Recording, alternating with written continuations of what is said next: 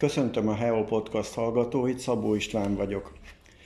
Gyöngyös önkormányzatának képviselő testülete a múlt évben döntött arról, hogy a Gyöngyösi Városrendészet ez év január 1-től önálló intézményként működik.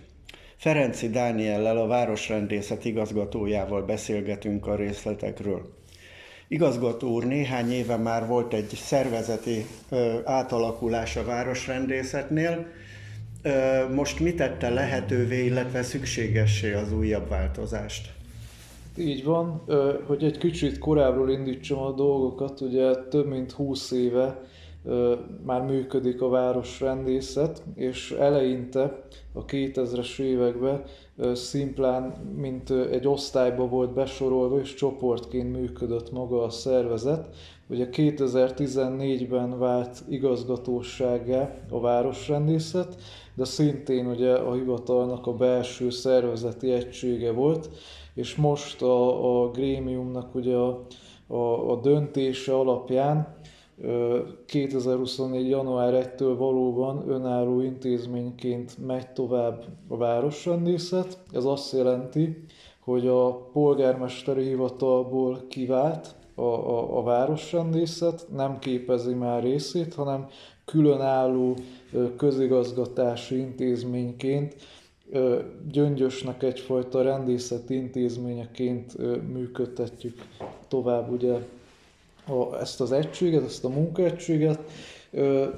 Nyilván több dologban változott a, szervezeti struktúra ennek hatására. Most január 1-től van ugye a technikai átállás a részünkről, Gyakorlatilag a, a, talán az egyik legfontosabb változás az, hogy a munkáltatói jogkör gyakorlója megváltozott, innentől nem a jegyző, aki, aki a munkáltatója a, a dolgozóknak, hanem a mindenkori intézményvezető, és e, ugye nagyon fontos volt a döntésnél, hogy felvázoltuk a képviselőknek, hogy azért egy polgármesteri hivatal rengeteg dologgal foglalkozik, de azért mégis csak nem, tehát hogy nem rendészeti specialitású az ő tevékenységi köre. Ez már egyre jobban kiütközött itt az évek során, hiszen olyan rendszereket használunk, amit ugye kifejezetten csak a, a rendészet használhat, és itt a a, már maga az informatika, információbiztonság, adatbiztonság egyre távolabb ö, sodort minket úgymond a, a, a hivataltól, tehát egyfajta bürokrácia csökkentés is ezzel révbe ment. Nyilván nem csak technikai előnyei vannak ennek a változásnak is, ezekről hallhatnánk-e valamit?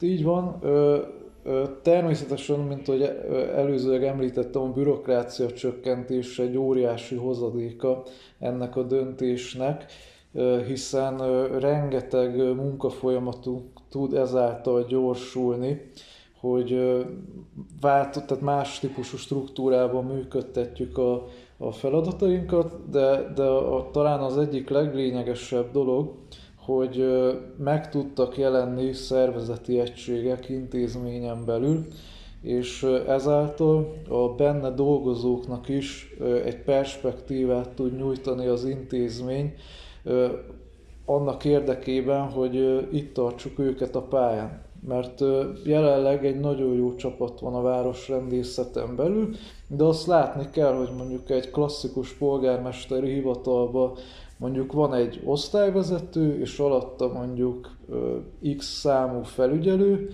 de egy ilyen méretű szervezetnél, mint már a miénk, kellenek szervezeti szintek, vagy tehát kellenek szintek, struktúráknak kell megjelennie, beosztásoknak kell megjelenni annak érdekében, hogy lényegesen jobban lehessen szervezni a munkát. Ezt így ugye el tudtuk érni, valamint a beosztásokhoz különböző fizetési fokozatok is fognak megjelenni, tehát ezáltal a kollégáknak is átlátható életpálya került kialakításra.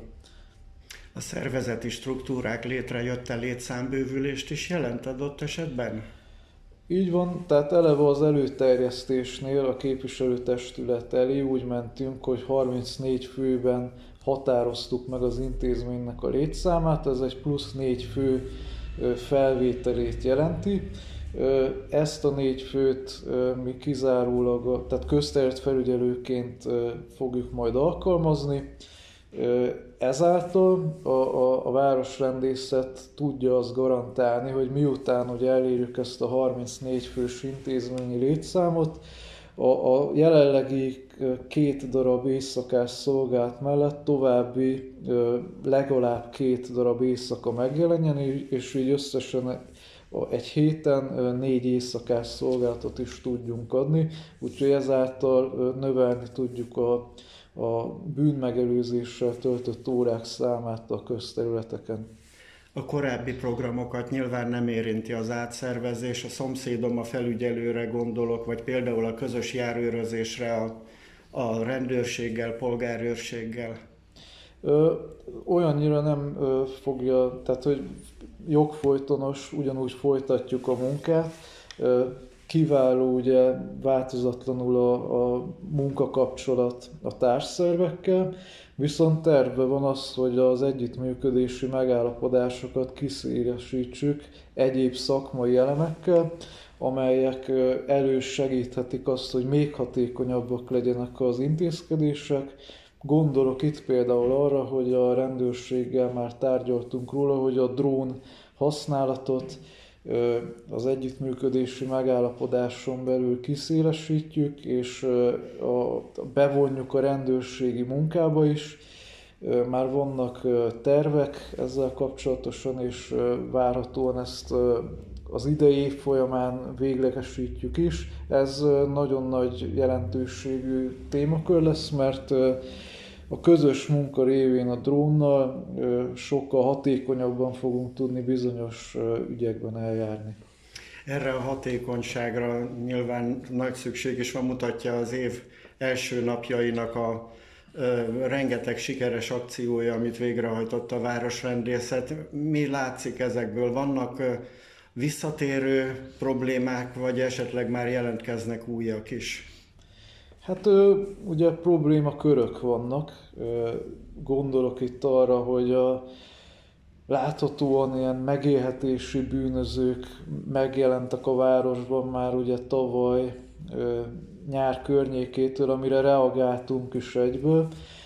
Akkor a rendőrséggel megerősödött szolgált ellátás keretein belül kezdtük el ugye járni az utcákat, és ki is szorítottuk őket egyébként sikeresen, azonban mindig vannak, nyilván megjelennek olyan mm, új szereplők, akik, akikkel még ugye nem tudtunk találkozni a korábbiakban, mert környező településekről bejönnek a városba annak érdekében, hogy mondjuk kéregessenek, kolduljanak vagy lopjanak, Ezeket a személyeket egyébként azt kell, hogy mondjam, 10-ből 9 esetben utól is érjük, tetten is érjük, és a rendőrség részére elő is állítjuk elszámoltatásra, miután mondjuk tetten érjük őket bizonyos cselekményeken.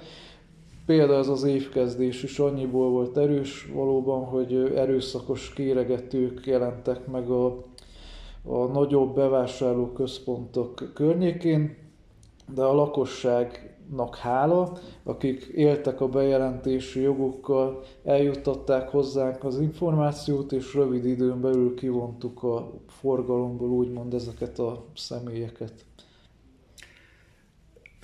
Igazgató úr, köszönöm szépen a tájékoztatást, és sok sikert kívánok a munkához az új szervezeti formában is. A Heol Podcast hallgatóinak pedig köszönöm a megtisztelő figyelmet.